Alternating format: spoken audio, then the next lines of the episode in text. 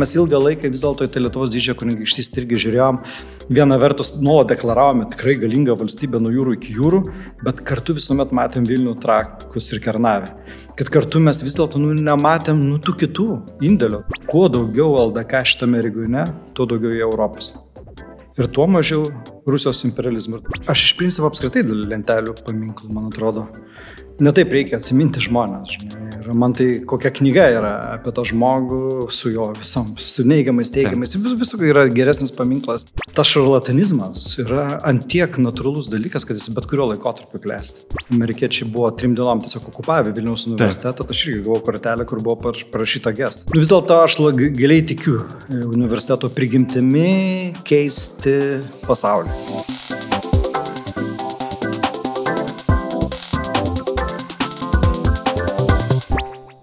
Dar viena savaitė prabėgo ir pas mus į šią puikią redakciją, kuri šiuo metu yra įsikūrusi Vilniaus universiteto Johimo Levelio salėje. Šiaip aš vis negaliu atsigrožėti šito, šitą salę.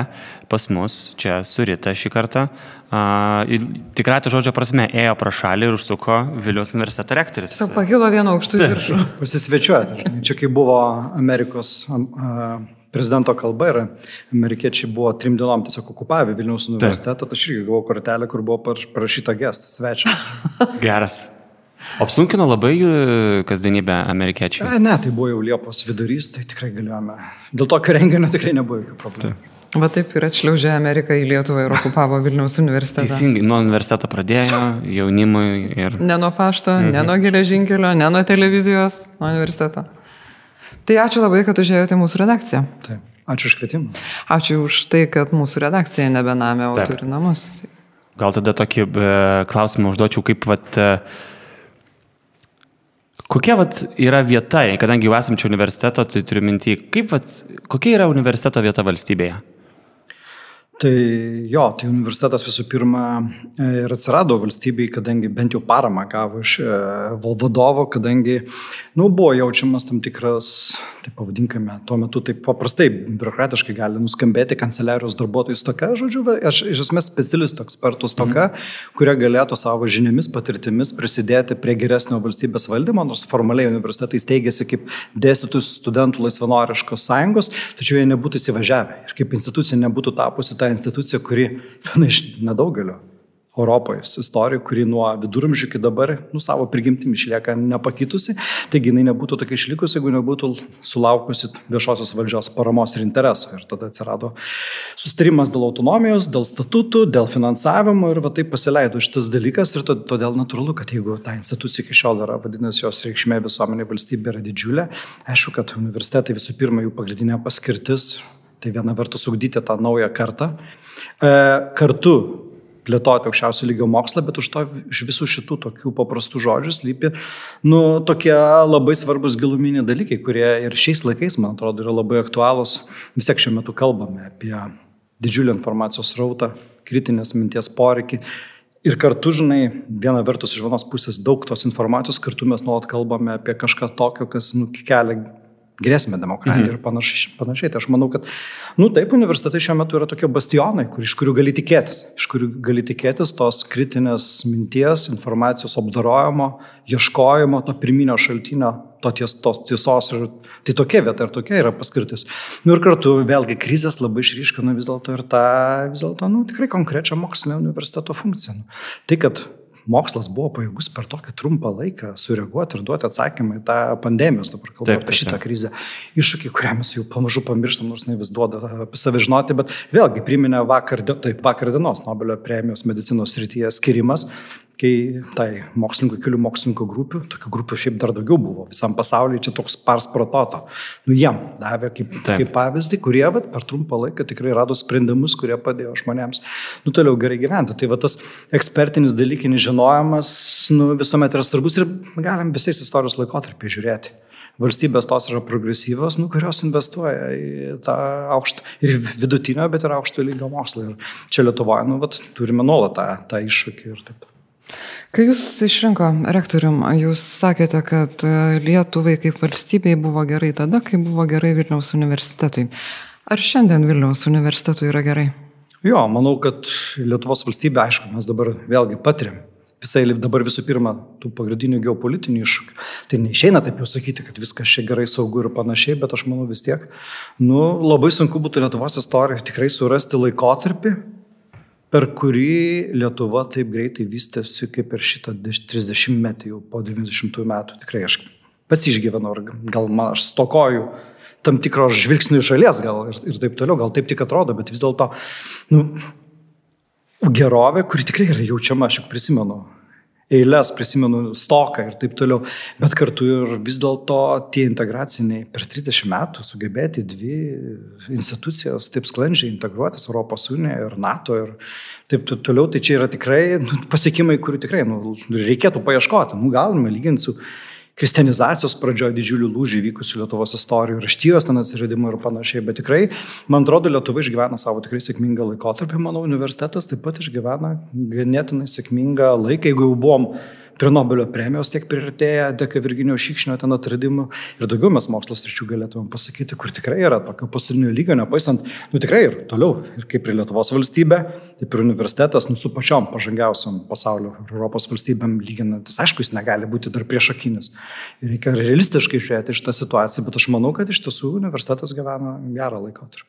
O kas jums pačiam vat, yra universitetas? Kaip, vat, kaip pasako žodį universitetas, nes aš, mes šitą dar kurią dieną kalbėjom ir galvojau iš pradžių, kad vienas dalykas yra universitetas, yra e, tiesiog vat, rūmai šitie rūmai, bet tai, pavyzdžiui, man tai nebūtinai yra su rūmai asociuojasi. Su ko jums asociuojasi universitetas? Na, tai aišku, kad universitetas nu, nuo pat pradžių vis dėlto tai yra bendruomenė, tai yra bendrėjas, taip ir kūrėsi, kaip dėstytojų studentų ir kaip tokių mokytų žmonių.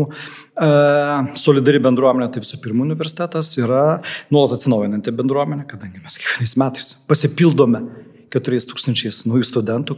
Dalis palieka, nu, bet teoriškai lieka galbūt bendruomenės e, tais išoriniais nariais. Tai universitetas, aišku, yra didelė bendruomenė, aišku, tu nėra ta bendruomenė, kurią gali taip jausti ir labai gerai žinoti, kadangi jinai tikrai yra milžiniška, bet kartu yra visų pirma žmonių ratas, bet kartu universitetas yra ir idėja. Universitetas yra idėja, universitetas yra, nu vis dėlto aš giliai tikiu e, universiteto prigimtimi keisti pasaulį. Mhm ir viena vertus keisti pasaulį taip labai abstrakčiai, bet kartu suteikti galimybę pasikeisti konkrečiam žmogui. Vis dėlto čia yra vienas didžiųjų Europos civilizacijų atradimų, nu, bet papildomą laiką suteikti jaunam žmogui. Aišku, anksčiau ribotas žmonių skaičius galėjo būti tas universitetų demokratizavimas, didėjimas atėjo palaipsniui, bet vis dėlto dabar, nu, neveltus ir prigijo, galbūt ne vien tik tai Europo šitą idėją, vis dėlto visuomenės yra pajėgios išskirti vat, dar tris keturis, šešis metus jauniems žmonėms nu, studijuoti, pasimokyti tai, ką iš tiesų nori. Išbandyti save sukaupti naujos patirties. Tai, tai yra, nu, iš tiesų, tas laikas tikrai pasikeis. O yra dėl ko nerimaujat, pavyzdžiui, kas susijęs su universitetu? Nu, kas vat, neramina nuolatos? Ypač ar kai rektorius esi? Jo, neramina visų pirma, aišku, kad nu, nu, dabar iš tiesų mes visam pasauliu turime tam tikrus iššūkius, su kuriais tik pradedame pradedame dorotis, tai aišku, pavyzdžiui, dabar dirbtinio intelekto atsiradimas, bet kokios naujovės, tokios ypač, kurios ateina, galbūt apie jį tikrai nu, negalima jo vadinti naujovė didelė. Visi tarsi maždaug net žinojo, ko laukti.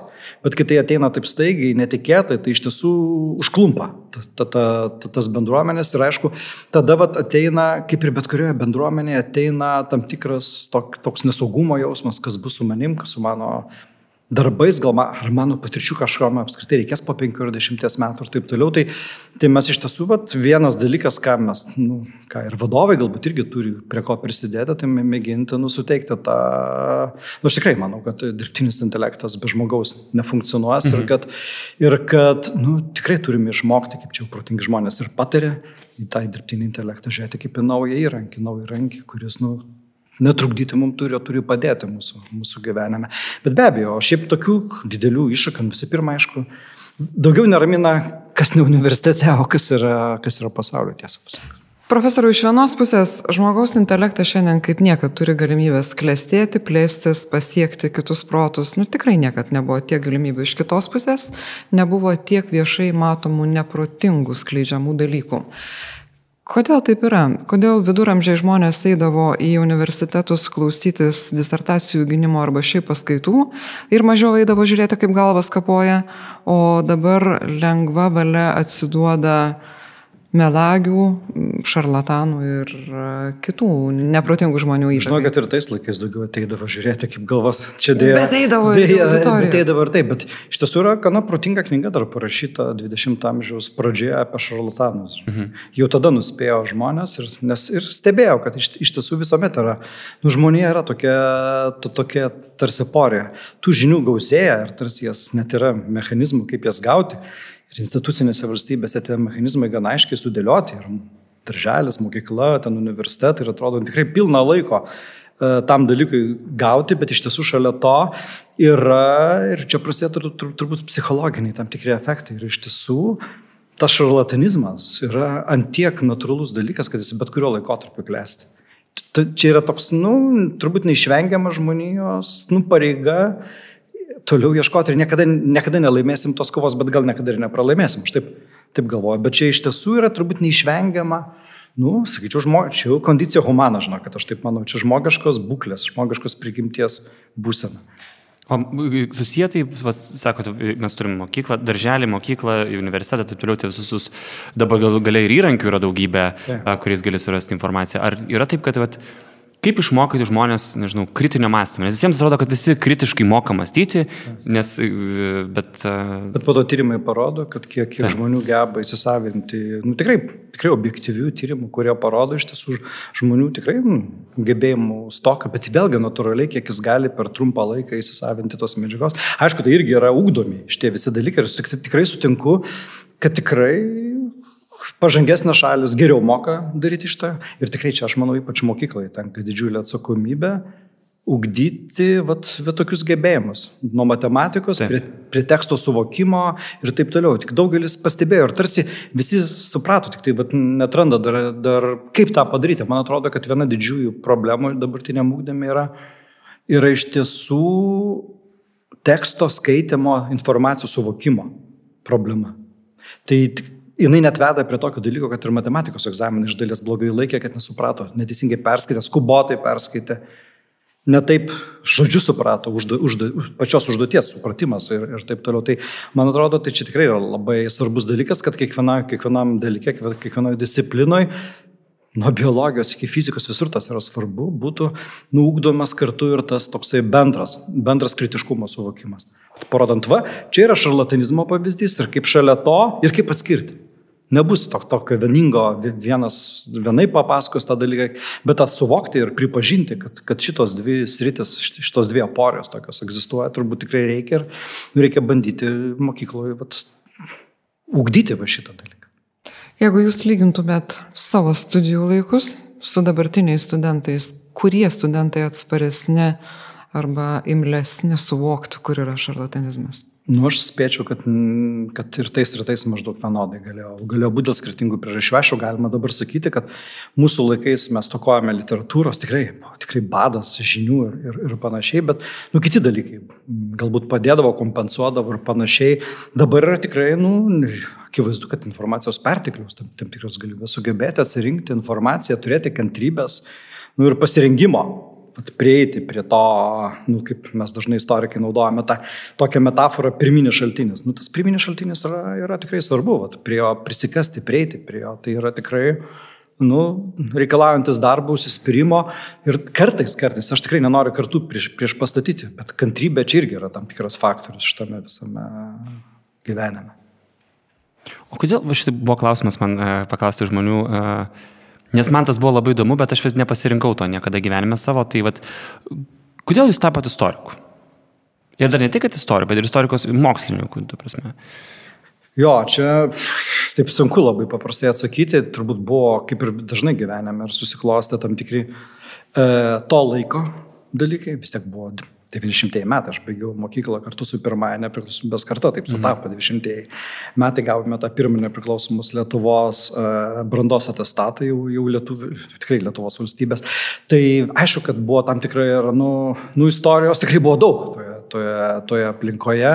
Kartu buvo kai ko mažai, buvo mažiau pasirinkimų, buvo negu šiais laikais speciali, specialybių prasme ir panašiai. Tai, bet aišku, turbūt pagrindinis dalykas, tai kažkaip labai gal ir tuo metu greičiau greičiau, greičiau nujaučiau po to galbūt ir giliau suvokiau, kad istorija tai iš tiesų apie gyvenimą. Čia kaip Gudavičius, mano vadovo profesoriaus tas pasakymas, kad jau paklausė, nu koks būtų toks paprasčiausias istorijos apibrėžimas, jis sakė, istorija yra gyvenimas. Čia yra apie mus, apie, ne tik apie mūsų praeitį, bet apie tai, kas, nu, iš tiesų iš praeities.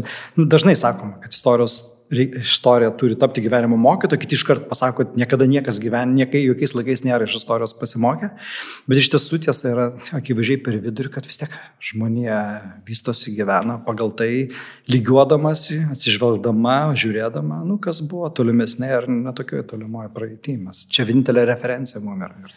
Viena iš šių dienų aktualijų yra ginčiai dėl litvinizmo. Kiek tai yra baltarusių e, e, tautinės savimonės reikalas, kiek tai yra e, Lukaženk, Lukaženk, Lukašenkizmo apraiška, kiek tai apskritai yra dalykas nevertas platesnio visuomenės dėmesio, nes bent jau mokslininkai, istorijos mokslininkai dėl bendrystės praeities istorijoje ir bendroje valstybėje sutarė ir nemato, kad čia reikėtų labai daug dėmesio į tai kreipti. Dar jeigu galite ir šiek tiek, manau, kadangi vis tiek kalbėjom jaunesnių žiūrovų yra, tai dar ir gal šį trumpai ir paaiškintumėt, kas yra. Kas tas litvinis? Ne, tai visų pirma yra tam tikra srovė, kuri, nu, bando aiškinti, kad nu, Baltarus ir Baltarusai vaidino Lietuvos didžiojo kunigaikštystį pagrindinį vaidmenį, o, nu, etniniai lietuviai Taip. buvo tokia mažuma, neįtakinga grupė, čia pagal interpretacijų, tokia vos nežemaitijos paribiuose gyvenant ir taip toliau. Ir aišku, kalbant apie šitas, ne, neužmirškime, kad lietuvių 19 amžiuje panašiai, tik tai svarstydavo apie bendrą Lenkijos Lietuvos ateitį. Kazis Binkis parašė knygą, kas laimėjo Žalgirio mūšį, maždaug taip pavadinamas, parašė, ai, ten buvo ten Lenkų keletą, ten jie tik stovėjo, žiūrėjo ir nieko nedarė, ten lietuviai vieni tik laimėjo ir taip toliau. Tai ir, nu, visom tautom būdinga tokie dalykai, bet ne, sutinku, kad šiuo metu šitas, šitas judėjimas daug platesnis ir taip toliau, bet aš kitaip žiūriu šitą, šitą klausimą. Man atrodo, visų pirma, žiūriu pozityviai tą prasme, kad Lietuvos didžioji kunigaikštystė, nu, vis dėlto yra viena iš tų pamatinių idėjų, kuri gali jungti, vienyti į kažką tvaraus regiono valstybės, kur duoti jam bendrą istorinę tapatybę.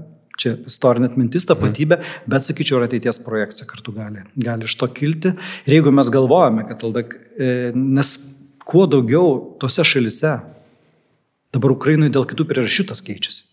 Bet visai nesnei irgi galima buvo uh, galvoti, kad viena iš tokių istorijų, kaip rodo, kaip lietuvių toks šiek tiek imperialistinis požiūris, taip pat į tuos pačius ukrainiečius, dar, aišku, smarkiai dar prieš karą, gal net prieš Krymo karą. Taip. Lietuvių grupė, čia pasakoja ukrainiečių muziejininkai, atvažiuoja pilį Ukrainos, nu, ekskursija madinga jau tuo metu, populiaru buvo, prasidėjo tos kelionės, atėjo ir sako, o, pilis čia mūsų, va, čia mūsų pilis ir, nu, tie ukrainiečiai, o čia ne, ne mūsų, jam tikrai taip truputį keistai atrodo ir, ir panašiai, tai mes ilgą laiką vis dėlto į tai Lietuvos didžiąją kunigaikštystę irgi žiūrėjom, viena vertus nuolat deklaravome tikrai galingą valstybę nuo jūrų iki jūrų, bet kartu visuomet matėm Vilnių trakus ir Kernavę kad kartu mes vis dėlto nu, nematėm nu, tų kitų indėlio, tų kitų, kad ir tos kitos tautos įvairiais būdais kūrė tą valstybę. Aišku, tas politinis elitas, Gidimnaičiai, tam pagrindinis giminės tikrai ilgą laiką buvo lietuvių kilmės, bet ne, bet po kurio laiko pasipildė Sapiegos Kutkevičiai, ten nostrogiškai ir, ir rusieniškais didikais ir, ir panašiai. Tai man atrodo, va, ta pamatinė idėja, kad iš tiesų šito regiono valstybės, va ta Lietuvos didžiosios kunigaikštystės praeitis, nu, jinai gal vienintelė pozityviai sieja. Ir tada mes kitaip galėtumėm paklausti, Čia galbūt irgi dar kilo dar iš tos dalyko, kad šiuo metu Baltarusijos politinė vadovybė vadina mhm. tokį ir nu, neišvengiamai ta Baltarusijos mums asocijuojasi dabar su kitais dalykais, bet prisiminkime, kiek buvo bendro entuzijazmo ir tada noro dalintis bendra praeitimi 20 taip, taip, taip. metų rūpiutį ir, ir, ir panašiai. Kaip greitai pasikeičia ir kaip greitai mes blaškomės ir, ir taip toliau. Tai aš manau, kad kuo daugiau LDK šitame regione, tuo daugiau į Europos. Ir tuo mažiau Rusijos imperializmą. Ir dažnai sako, kad ar litvinizmas kelia grėsmę.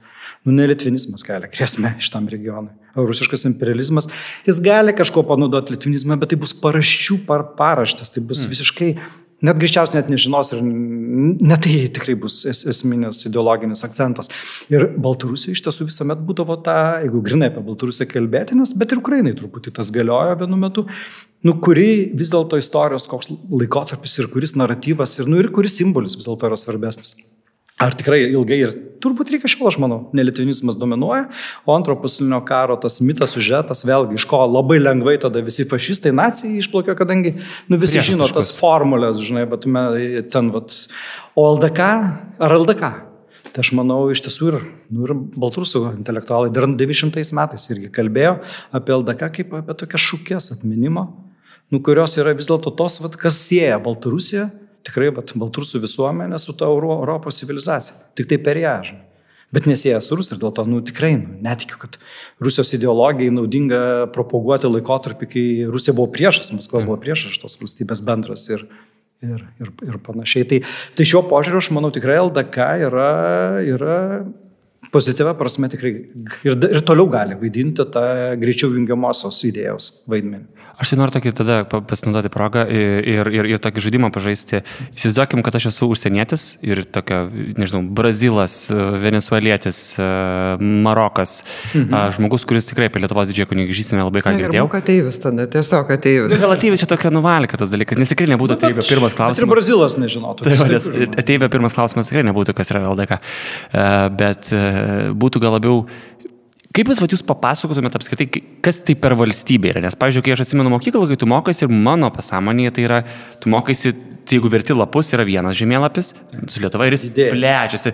Ir toks jausmas, kad iš esmės tai Lietuva tiesiog didina savo teritoriją, plečia ir visą kitą. Ir traukis. Taip.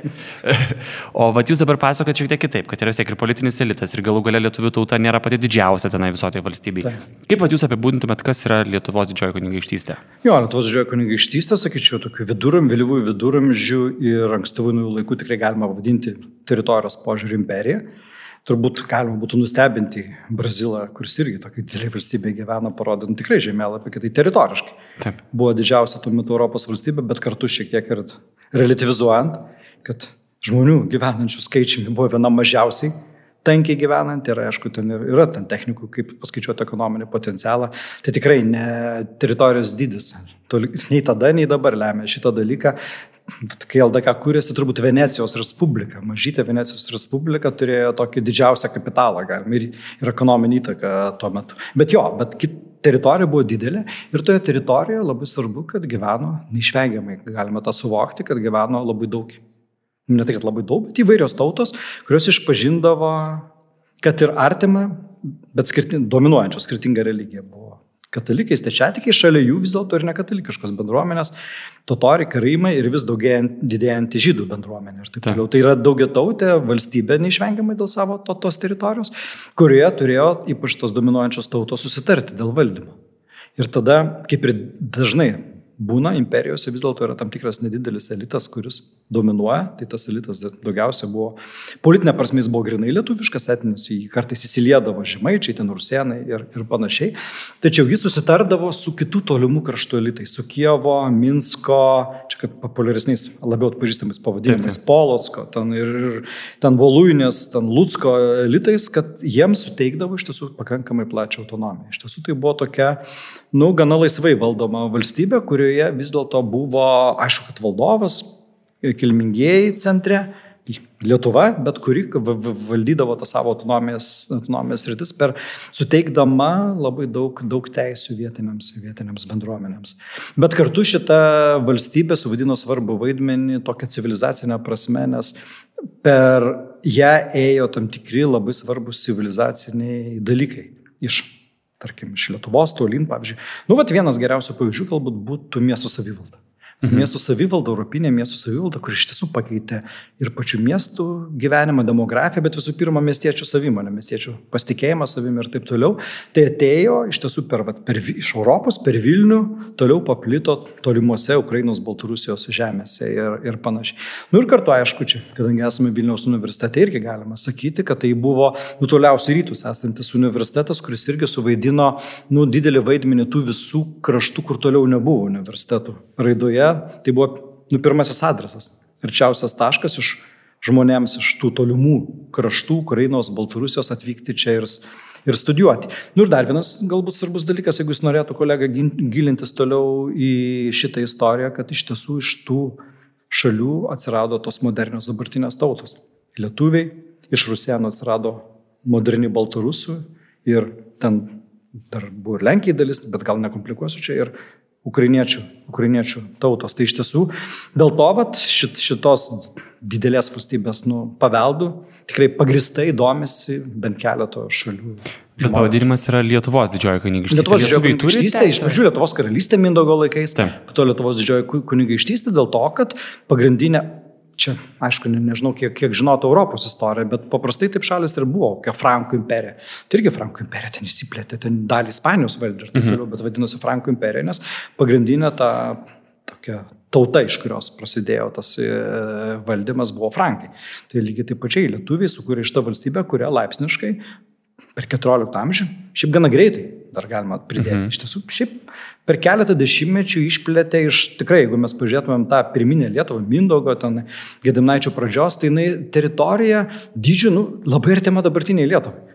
Tai gal šiek tiek toliau nuo jūros ir šiek tiek įeinam į dabartinės Baltarusijos teritoriją.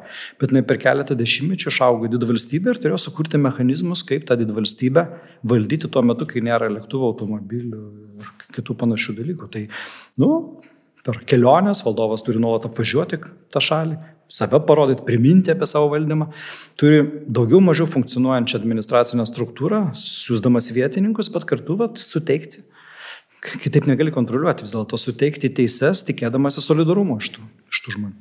Daugiau buvo tokių laisvių LDK ir autonomijos lyginant su kitomis tuo metu Europos valstybėmis? Nu, iš dalies galima taip sakyti, jo, sucentralizuotumės tikrai daugiau ir čia gal vėlgi sakyčiau, dėl to, kad čia lietuviai iš principo buvo geri, gera širdžiai ir taip toliau, bet turbūt kitaip ne, nebuvo galima valdyti. Dažnai irgi sakoma, kad vat, žydų bendruomenės gaudavo čia irgi dažnai daugiau teisių, bet visų pirma irgi turbūt ne vien dėl to, kad čia kažkas iš prigimties yra geresnis ir daugiau nori dalintis, bet turbūt kitaip negali sukontroliuoti ir, ir, gali, ir tu turi pasitikėti ir panašiai. Kiek jūs matytumėt paralelių tarp LDK vienijimo Europos ir Ukrainos Lietuvos ašies, jeigu taip galima pasakyti dabar? Jo, čia toks sudėtingas klausimas. Aš tai vis dėlto, jeigu kalbėčiau apie LDK, kas susiję iš šitą regioną, nekalbėčiau, galbūt ir negalvočiau, ir turbūt net nemanyčiau, kad tai yra gerai, kad formuoti kažkokį naują politinį darinį iš, iš to kažkokios valstybės Lenkijos, Lietuvos, ten Ukrainos, Baltarusijos, nu to net gaivinsi turbūt. Bet kad paralelę lyginti didžią kunigaikštystę ir Europos Unijos projektą, kad, kad tai yra, jis čia nėra tas pats, ne, tiesiogiai negalima lyginti, bet kai yra tam, tam tikra paralelė ir akivaizdu, apskritai, jeigu mes žiūrėsime Europos istoriją, tai grinai nacionalinės valstybės, kaip mes jas dabar suvokiam, yra labai trumpas istorijos laikotarpis. Šiaip tai daugiausiai, jeigu taip savo grinuoja pavydalu, 19 amžiaus 21 pusė.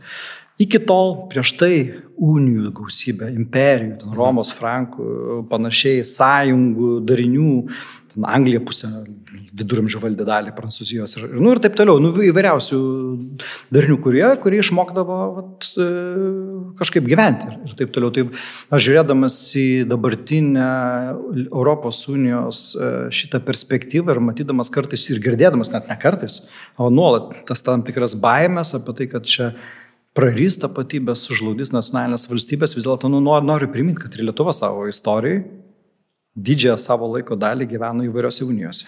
Ir tik labai trumpai arba okupacijoje, arba jau grinai tokiai nacionaliniai valstybė, nepriklausydama jokiam kitom politiniam struktūrom. Tai čia iš tiesų labai trumpai. Vos net ten Mindaugo laikais, dalis Gedaminaičių ir ten tarpukaris vos, ne, ir ten 90 pradžia. Tai tikrai ir niekur nedingo, niekas nei lietuvių kalba, nei, nei, nei, nei Lietuvos valstybingumas, nei panašiai. Tai Europos Unija, aš kaip tik man, manau, kad yra jos silpnybė šiuo metu yra per menkas integralumas, per menkas per menka institucionalizacija, per sudėtingas sprendimų prieimimo mechanizmas, kuris jai neleidžia veikti greitai, efektyviai ten, kur labiausiai reikia. Ir ten, kur tikrai reikia susitarti labai greitai. Ar tai buvo pandemijos pradžia, kur tikrai buvo daugybė ir klaidų ir tikrai nesąmonių pridaryti ir daug nepasitikėjimo naujo tarp šalių sukurta ir, ir panašiai. Taip lygiai yra Ukrainos karo atžvilgių, taip yra pabėgėlių situacija ir taip yra energetikos klausimais. Tai va tai yra akivaizdžiai kelet sričių, kur nepaisant, aš aišku irgi iš principo dažnai esu optimistas ir vis, visų pirma žiūriu, kas pasiekta. Tai kai dabar tiesiog pasidaviau ir, ir pradėjau. Ir iš tiesų, kad Europos tikrai unija yra labai sėkmingas projektas. Taip. Tai ir visų pirma, ilgalaikė taika Europoje jau to beveik užtenka. Bet kartu yra, nu, tikrai daugybė dalykų pasiekta. Aš esu tos kartos žmogus, kuriam, nu, tikrai siena buvo iššūkis vien laiko praradimo požiūriu, bet ir šiaip, žinai viena vertus buvo atskirimas, o kai jau atsirado galimybė važiuoti, tai sienos kirtimas buvo nulatinė problema ir taip toliau. Pinigų Man, keitimas buvo taip, problema. Mobilus ryšys, žinai, draugi, draudimo kortelė ir taip toliau.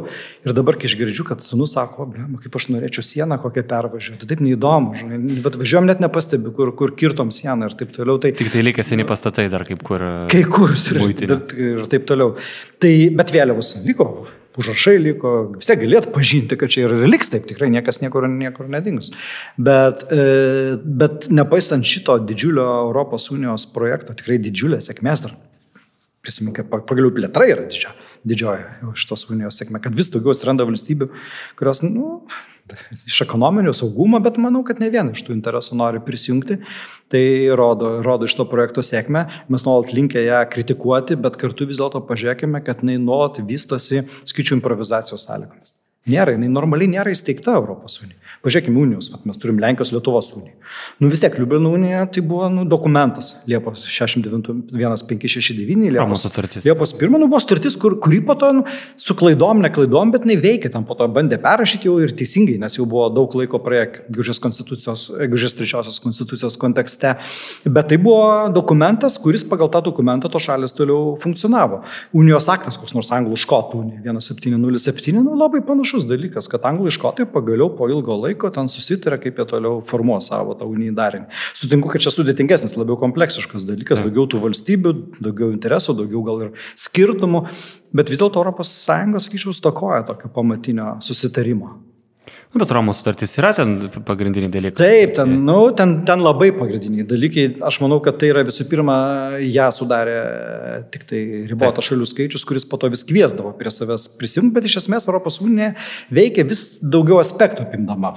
Sienos, ten dar kažkur kažką vis dar pasiekė, susitarė dėl mobilaus ryšio, bet tokiais Europos universiteto alijansų kūrimas ir, ir panašus dalykai vienas, vienas po kito. Ir prijungdama vis naujas valstybės, taip. Tai tokiais va, unijos, Europos unijos kūrimas kaip procesas, taip galima jį pavadinti. Bet nėra Europos unijos vis dėlto sustarimo kaip tam tikro, nu, politinio sprendimo, kaip politinio akto, kuris po to jau galbūt reguliuotų procesus. Tai aš manau, nežinau, gal esu šiuo metu, gal, gal ir naivus, nežinau, ar šiuo metu yra tas laikas geriausias apie tai kalbėti, bet vis tiek aš manau, nuolat turime priminti politikams, kad Europos unija visų pirma yra klausimas dėl tapatybės bendros, dėl bendros tapatybės ir dėl bendrų vertybių, nu ir sutarimo dėl tam tikrų institucijų. Čia net, neturi būti didžiulis tas sustarimas. Tiek aišku, kad politinė praktika po to verčia naujus dalykus išgalvoti ir taip toliau, bet bendri pamatiniai principai, nu, kurie vis dėlto turėtų būti, va taip, nu, nenoriu tą žodį vartoti, nu, bet konstituciškai pralačiaja prasme įtvirtinti, bet tada jau galiotų visoms valstybėms vienodai, tai turėtų tas dalykas būti. Dėl, dėl, to, tai dėl to turėtų būti susitarta. Dėl to turėtų būti susitarta ir tai, nu, tai turbūt tą žaidimo taisyklės diktuotų visiškai kitų lygių. Matai, manoma, kad sutarti, kad virš nacionalinė teisė tokia atsirastų? Aš, aš bijau, kad nėra kitos išeities. Labai tik tai blo, gali būti blogai, kad supras per vėlai šitą dalyką padaryti, nes nu, ir dabar Europos Unija gyvena didžiulių iššūkių iš Rusijos, Kinijos, Indija, atsiranda globalūs žaidėjai. Ir tikrai Unija kaip toks šiek tiek dezintegruotas politinis darinys, nu, aš manau, kad šio laikiniam pasauliu gali tikrai vis sunkiau veikti. Ir pažiūrėkime, kaip... Britų pavyzdys galėtų būti geras, kad jiems vieniems žymiai, žymiai sunkiau yra nei... Taip, čia irgi, nu, čia yra pralaimėjimas tam tikros Europos, Europos Unijos, Europos Unijos politikų, bet kita vertus, va, sakyčiau, Brexitas, e, pandemija, Ukrainos karas yra kaip tik tos prielaidos Europą iš naujo savo, savo tapatybę permastyti ir, ir pagalvoti, kaip jinai gali geriau kurtis, nes vėlgi čia istorinė patirtis, va, iš tų patirčių, kurios ne savaime diktuoja, bet kurios, nu, parodo, kada vyksta, nu, didžiai, didėjai pokyčiai vyksta per krizę, žinai, kada Taip. jau kažką pastebi ir lengviau tada gal sustarti, dabar tikrai daug dalykų, kas trukdo, mes girdime rinkimai ten Slovakijoje, dar kitos problemos, bet, nu, bet vis tiek dėl to reikės sustarti anksčiau ir vėliau. Geriau anksčiau. Ir čia politikai tikrai turi natūralu politikoje mąstyti trumpos distancijoms kategorijomis, nes reikia spręsti nuolat problemas, šiaip viskas aišku. Nu, šiaip savanaudiška kartais yra naudinga. Čia ir taip, aišku, tu turi savo rinkėjus dar, dar turi šiaip reaguoti krizės ir nėra laiko tarsi, nu ir čia, tada galim truputį grįžti prie universitetų, tikrai nesisiūlau čia universitetai pagalba, bet aš gal bendriau pasakysiu, iš visuomenės, iš įsilavinusių žmonių, iš intelektualų, nu, turėtų ateiti kars nuo karto priminimas politikams, nu, nu gal pabandom dar pažiūrėti šiek tiek toliau į horizontą, kas laukia mūsų 30-50 metų perspektyvą, jeigu nesikeis kai kurie dalykai. Aš dar tada pačiai pabaigai, jau, jeigu jau šokam kitais amžiais, tai aš n, šiek tiek Europos Sąjunga ir abiejų tautų respublika. Atrodytų va taip iš šalies, ar jums pritartumėte ar ne, tokį panašią silpnybę turi. Uh, Liberum veto turėjo, tai. kas galbūt yra prisidėję prie sužlugdymo ar ne, ir lėto sprendimų prieimimo. Ir ES mes turim tą, kad na, tai turi būti priimta konsensusu. Kiekviena šalis turi veto teisę. Gali būti 29, dėl to Viktoras Orbanas turi daug svertų. Jo, čia dėl veto teisės iš principo sutinku, bet e, manau, kad savaime žodis konsensusas turbūt čia yra gerai. Nes Europos apskritai politinė kultūra didžiąją dalimi vis dėlto, nu, neskaitant gal trumpų absoliutizmo laikotarpių, formavosi konsensuso principų. Iš pradžių tarp karaliaus ir elitų, dabar sakytumėm kartu tarp politinių bendruomenių ir platesnės politinių partijų ir bendrai visuomenės ir konsensuso ES viduje, tai konsensus savaime konsensusų įtikinėjimų tokio veikimo m, ta logika yra teisinga. Bet sutinku, kad instrumentai čia gali būti labai įvairūs. Ir aš manau tikrai, kad ir tas pats Liberum Veto ir kiti vat sprendimų prieimimus ribojantis, nu, iki galo neįveiklinta Europos komisija, kaip jinai galėtų, nesusitarta dėl bendros, daug kur susitarta, bet akivaizdžiai spragos sienų apsaugos, nu, jeigu mes kalbame apie Europos unijos sienas, čia mes rytinė Europos unijos siena, o sprendžiame mechanizmai dar primena 20 amžiaus pradžią, kaip tą sieną mes ją suvokiam, kaip ją saugome, nu tikrai. Ir kad kit, vieni kitus pirštais rodo ir siūlo patiems rūpintis ją ir, ir panašiai, jeigu kažką blogai padaro, tada iškart puola barti ar kritikuoti, tai nu, čia yra toks nesolidaraus veikimo pavyzdys. Tai tokių taip pat irgi tose neintegruotose unijose tikrai buvo ir Jo, tai, tai turbūt tikrai abiejų tautų respublikos vat, pavyzdys, kuris aš šiaip jau tikrai laikyčiau ją tikrai labai sėkmingų istorijos pavyzdžių. Tikrai lyginant su daugelio unijų, kurios tikrai subirėdavo dėl skirtingų interesų labai greitai, tai čia yra geras pavyzdys, bet vis dėlto jinai aišku neįveikia tam tikrų dalykų, bei jeigu mes dabar kalbame apie Ukrainą, vat, na, vat, nesiryždavo esminiam sprendimam ir esminiam pokyčiam, kaip dabar mes sakome, plėstis, įtraukti, mm. tuo metu tiesiog priimti Ukrainą kaip tre, trečiąją tautą šalia Lenkų ir Lietuvių.